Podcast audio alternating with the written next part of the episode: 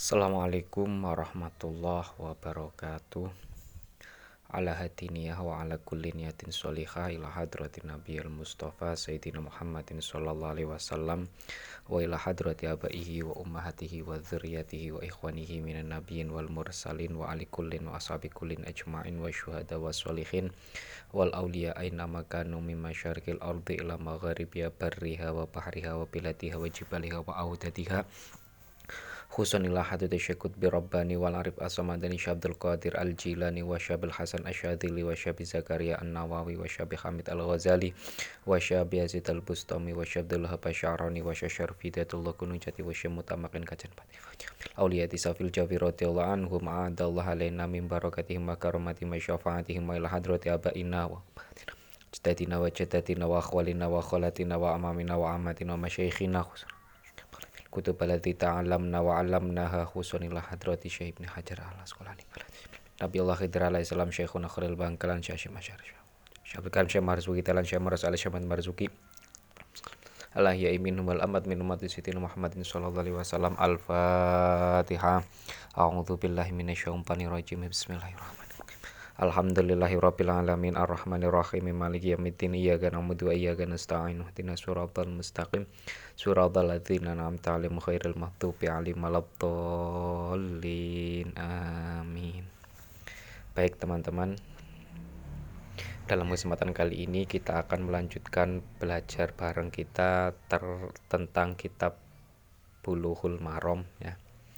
Kemarin kita sudah selesai pembahasan tentang babul miyah sekarang kita memasuki pembahasan tentang babul aniyah ya. Babul miyah setelah itu babul aniyah. Aniyah itu artinya wadah bejana ya. Bismillahirrahmanirrahim. Qala al-musannifu rahimahullah ta'ala wa nafa'ana bihi wa bi'ulumihi fid amin Bismillahirrahmanirrahim. Qala al-musannifu rahimahullah taala wa nafa'ana bihi wa bi ulumihi fid dharaini amin. Bismillahirrahmanirrahim. An Hudzaifah ibnil Yaman An Hudzaifata An Hudzaifata binil Yamani diceritakan dari sahabat Hudzaifah bin Yaman. Qala berkata siapa Hudzaifah Kola berkata siapa Hudzaifah, kola bersabda siapa Rasulullah sallallahu alaihi wasallam. La tashribu fi aniyatid dhahabi wal fiddati wa la ta'kulu fi sifa fi sihafihima. Fa innaha lahum fid dunya walakum fil akhirah. Qala bersabda siapa Rasulullah sallallahu alaihi wasallam la tashribu janganlah kalian minum La tashribu janganlah kalian minum. Fi aniyati zahabi menggunakan. Fi aniyati zahabi menggunakan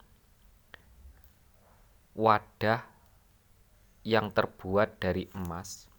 Fi aniyati zahabi menggunakan wadah yang terbuat dari emas wal atau perak wal atau perak wala takulu dan janganlah kalian makan. Wala takulu dan janganlah kalian makan fi fihima menggunakan. Fi fihima menggunakan piring yang terbuat dari emas dan perak Fisiha fihima menggunakan piring yang terbuat dari emas dan perak. Fa innahuma. Fa innaha sesungguhnya. Fa innaha sesungguhnya aniyatid zahabi wal fiddati. Fa innaha sesungguhnya aniyatid zahabi wal fiddati itu lahum. Itu lahum diperuntukkan untuk orang-orang musyrik itu lahum diperuntukkan untuk orang-orang musyrik fid dunya fid dunya di dunia. Fid dunya di dunia walakum dan diperuntukkan untuk kalian walakum dan diperuntukkan untuk kalian fil akhirati di akhirat kelak. Fil akhirati di akhirat kelak muttafaqun alaih ay hadza muttafaqun alaih. Ay hadza muttafaqun alaih sahabat Hudzaifah ya. Sahabat Hudzaifah itu namanya adalah Abu Abdillah Hudzaifah ya. Beliau adalah di antara sahabat yang terpandang pada waktu itu di antara sahabat yang terpandang pada waktu itu. Nah, beliau meninggal apa beliau bahkan juga mengikuti perang Uhud. Beliau mengikuti perang Uhud dan beliau meninggal pada tahun 36 ya, pada tahun 36 setelah 40 40 hari setelah terbunuhnya sahabat Uth, Uthman. Nah, sahabat Utsman terbunuh kemudian 40 harinya baru sahabat Abu Hudzaifah itu meninggal nah, itu hadis ini menjelaskan tentang ya, hadis ini adalah dalil argumen dasar yang menunjukkan yang menjelaskan bahwa diharamkan makan atau minum menggunakan wadah bejana yang terbuat dari emas dan perak. Itu hadis ini menunjukkan arti ke situ. Menunjukkan makna bahwa tidak diperbolehkan bagi orang Islam untuk makan ataupun minum menggunakan wadah yang terbuat dari emas dan perak. Namun ulama itu ketika memahami hadis ini ya terjadi perbedaan pendapat, terjadi perbedaan pemahaman apakah wadah yang terbuat dari emas dan perak saja yang tidak diperbolehkan. Dalam artian bagaimana kalau ada wadah tapi wadah itu bocor dan ditambal menggunakan emas dan perak emas ataupun perak ya. Ditambal menggunakan emas dan perak. Apakah itu nanti juga apa apakah itu nanti juga berlaku hukum haram ini ya larangan ini apakah juga berlaku? Ini ulama terjadi perbedaan perbedaan pendapat. Ada yang menyatakan ada yang menyatakan apabila emasnya itu masih apa memungkinkan untuk dipisah untuk di maksudnya untuk kalau dilepas dipisah itu masih memungkinkan apa tidak? Dalam artian bisa dibedakan tidak antara emas dan bejana itu apa tidak? Kalau memang mungkin untuk dilepas dan dibedakan, maka tidak diperbolehkan menggunakan bejana yang ditambal dengan menggunakan emas ataupun pe perak. Apabila tidak mungkin, maka tidak diharam diharamkan. nah, kalau yang di sepuh dobab mudobab yang disepuh itu yang di las nah kalau yang di las menggunakan las tapi lasnya menggunakan emas dan perak itu bagaimana? Ya kan? Tadi kan hanya ditambal saja. Ini yang di yang kalau ini adalah permasalahannya adalah dilas dilas menggunakan emas dan dan perak. Apakah diperbolehkan atau tidak? Nah ini juga ini ada beberapa ulama yang mengatakan diperbolehkan menggunakan wadah yang dielas menggunakan emas dan pe dan perak. Nah, itu pemahaman ulama berdasar apa berangkat dari hadis hadis ini. Lalu pertanyaan selanjutnya yang di yang apa teks hadis ini kan menjelaskan tentang larangan makan dan minum kalau selain makan dan minum kalau selain dari makan dan minum apakah diperbolehkan atau tidak contohnya maka contohnya selain dari makan dan minum adalah wudhu ya.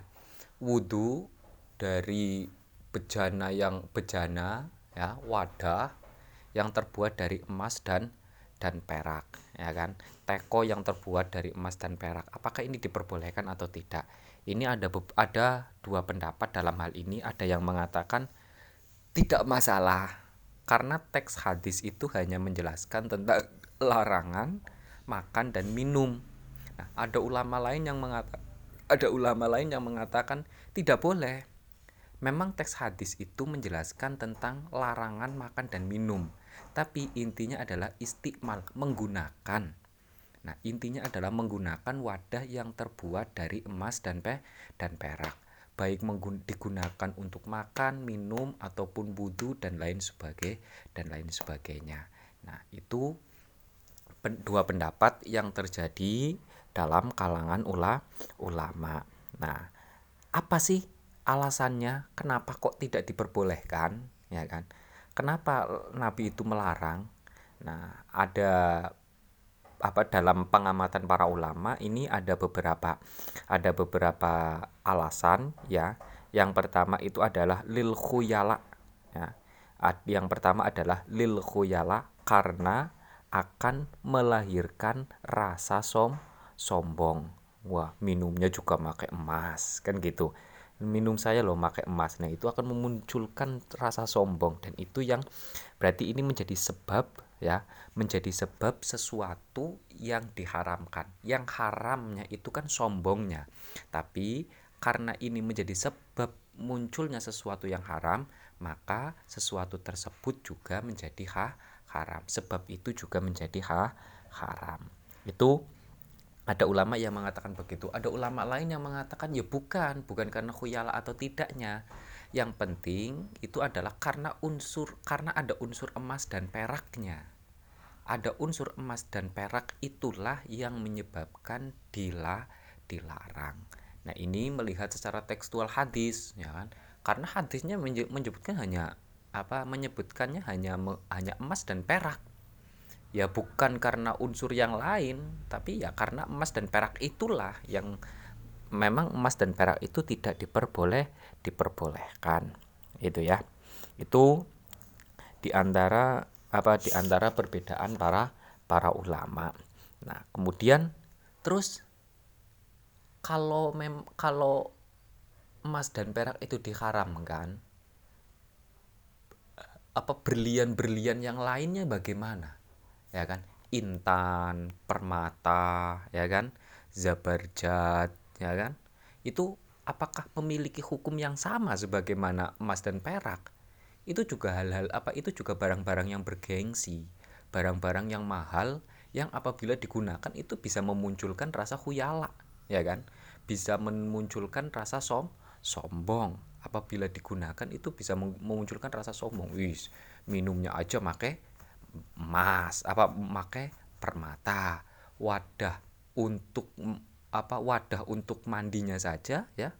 Uh, wadah untuk mandinya saja ya. Kamar mandinya saja juga pakai berlian. Nah, itu kan memunculkan rasa khuyala. Nah ya kan?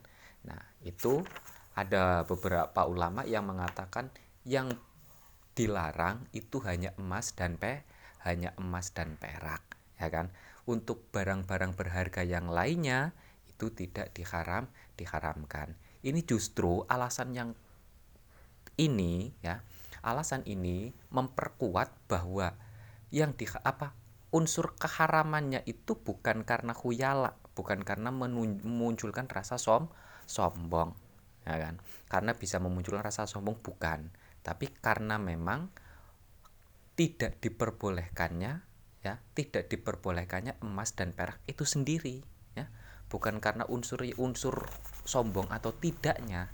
Baik kita baik meng, apa, menggunakan emas maupun perak wadah yang terbuat dari emas maupun perak kalau memang apa kalau memang baik ya kita menggunakan wadah yang terbuat dari emas dan perak baik memunculkan rasa sombong ataupun tidak itu tetap diharam diharamkan ya kan? Karena karena unsurnya bukan huyala tapi unsurnya adalah e, unsurnya adalah karena emas dan perak itulah tidak diperboleh diperbolehkan. Ini kalau kita melihat alasan ya ini kalau kita melihat alasan bagaimana ketika hew apa barang-barang antik lainnya barang-barang berharga lainnya ya kan digunakan untuk makan minum dan lain sebagainya. Nah, ulama mengartik apa meng, mem, apa memberikan memberikan apa berpendapat ada beberapa ulama yang berpendapat tidak diharamkan barang-barang selain dari emas dan perak apabila digunakan untuk makan dan mie minum ya kan karena teks hadis itu menjelaskan tentang masalah tentang masalah emas dan perak saja tidak yang lain yang nah itu. Jadi kesimpulannya ya satu hadis pertama ini dari babul aniyah ya babul aniyah itu adalah bab yang menjelaskan tentang wadah atau bejana. Nah bab ini menjelaskan tentang larangan menggunakan larangan makan ataupun minum menggunakan wadah yang terbuat dari emas dan pe dan perak ya kan? Nah Alasannya ada yang mengatakan bahwa karena menggunakan tersebut ya menggunakan barang-barang tersebut itu bisa memunculkan rasa sombong. Ada yang mengatakan karena sejatinya ya kan karena emas dan perak itu sendirilah yang tidak diperbolehkan digunakan oleh manusia oleh apa digunakan ya digunakan oleh manusia manusia. Nah, sedangkan kalau masalah kalau masalah menambal ya kan? Menambal ataupun mudobab yang atau disebut dilas menggunakan emas dan perak ya itu ada beberapa pandangan juga. Ada ulama yang mengatakan boleh ada ulama yang mengatakan tidak tidak boleh ya. Itu dalam masalah wadah yang di apa yang ditambal menggunakan em, emas. Nah, kalau yang di yang dilas menggunakan emas, ini ulama sepakat tidak bermasal, tidak bermasalah, ya kan. Kemudian e, ulama juga mengkaji berangkat dari hadis ini adalah bagaimana dengan barang-barang berharga lainnya selain daripada emas dan perak, apakah boleh digunakan atau tidak ya. Ulama melihat ya ulama beberapa ulama itu berpendapat bahwa selain dari emas dan perak itu tetap boleh diguna digunakan baik untuk makan ya baik untuk makan ataupun minum ataupun wudhu ataupun mandi ataupun tidur dan lain sebagai dan lain sebagainya. Nah, kemudian juga nah, pembahasan dari hadis ini itu adalah apakah yang diperbol apakah yang dilarang itu hanya makan dan minum? Selainnya makan dan minum apakah tet ikut dilarang ataupun ti atau tidak ya kan? Selainnya untuk makan dan minum ya kayak untuk tidur ya ambennya dari emas ya ambennya dari emas ataupun dari pe perak ya kan? Atau wudhu tekonya dari emas atau perak ya kan kerannya dari emas atau perak itu bagaimana?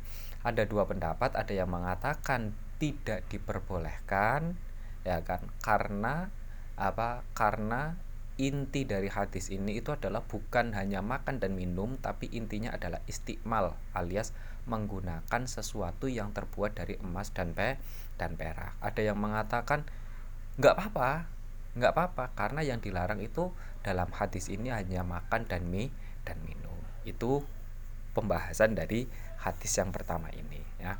Nanti kita akan lanjutkan hadis selanjutnya kita akan lanjutkan dalam pertemuan selanjutnya. Semoga apa yang kita pelajari bisa bermanfaat.